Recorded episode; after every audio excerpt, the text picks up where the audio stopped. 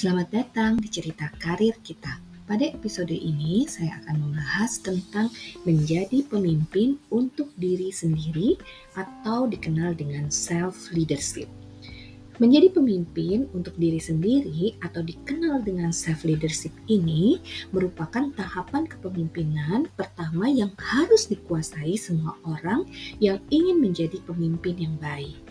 Terkadang banyak pemimpin atau manajer atau supervisor yang tidak mampu mengatur dirinya sendiri, terutama ketika menyentuh faktor emosi dan kelemahan diri. Banyak pemimpin yang masih mengalami masalah untuk melakukan pengendalian diri, sering muncul kecemasan, galau, ketidaktenangan, tidak mampu melewatinya, dan masih banyak lagi.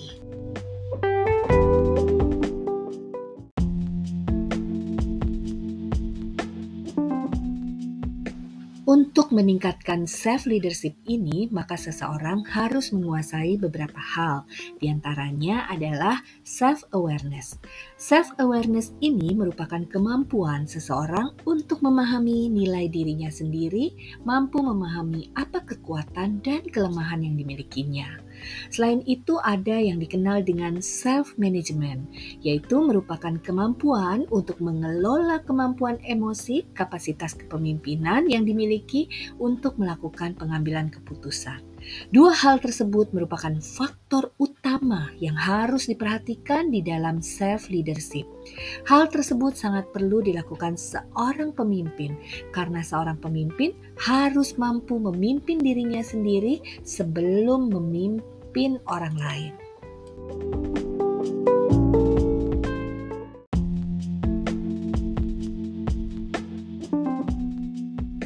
Hal lain juga yang diperlukan untuk mengembangkan kemampuan self leadership adalah kemampuan untuk mengenal ambisi, kekuatan dan kelemahan orang lain dan juga kemampuan untuk memotivasi orang lain sehingga sebagai seorang pemimpin bisa membantu potensi yang dimiliki orang lain atau bawahannya menjadi lebih berkembang. Namun jangan lupa juga untuk terus terbuka melakukan refleksi diri sehingga akan tetap fokus terhadap terhadap tujuan yang ingin dicapai dan untuk menjalani hidup yang lebih baik. Untuk terus mengembangkan self leadership ini, seseorang harus terus memiliki semangat untuk belajar dan mengembangkan kemampuan dirinya, bisa dengan banyak membaca, mengikuti berbagai informasi baru, pelatihan, training, dan sebagainya. Dengan menguasai self leadership ini, maka akan membantu diri untuk mencapai tujuan yang diimpikan. Juga akan membantu seseorang menjadi lebih produktif dan fokus serta termotivasi di dalam aktivitas tugasnya.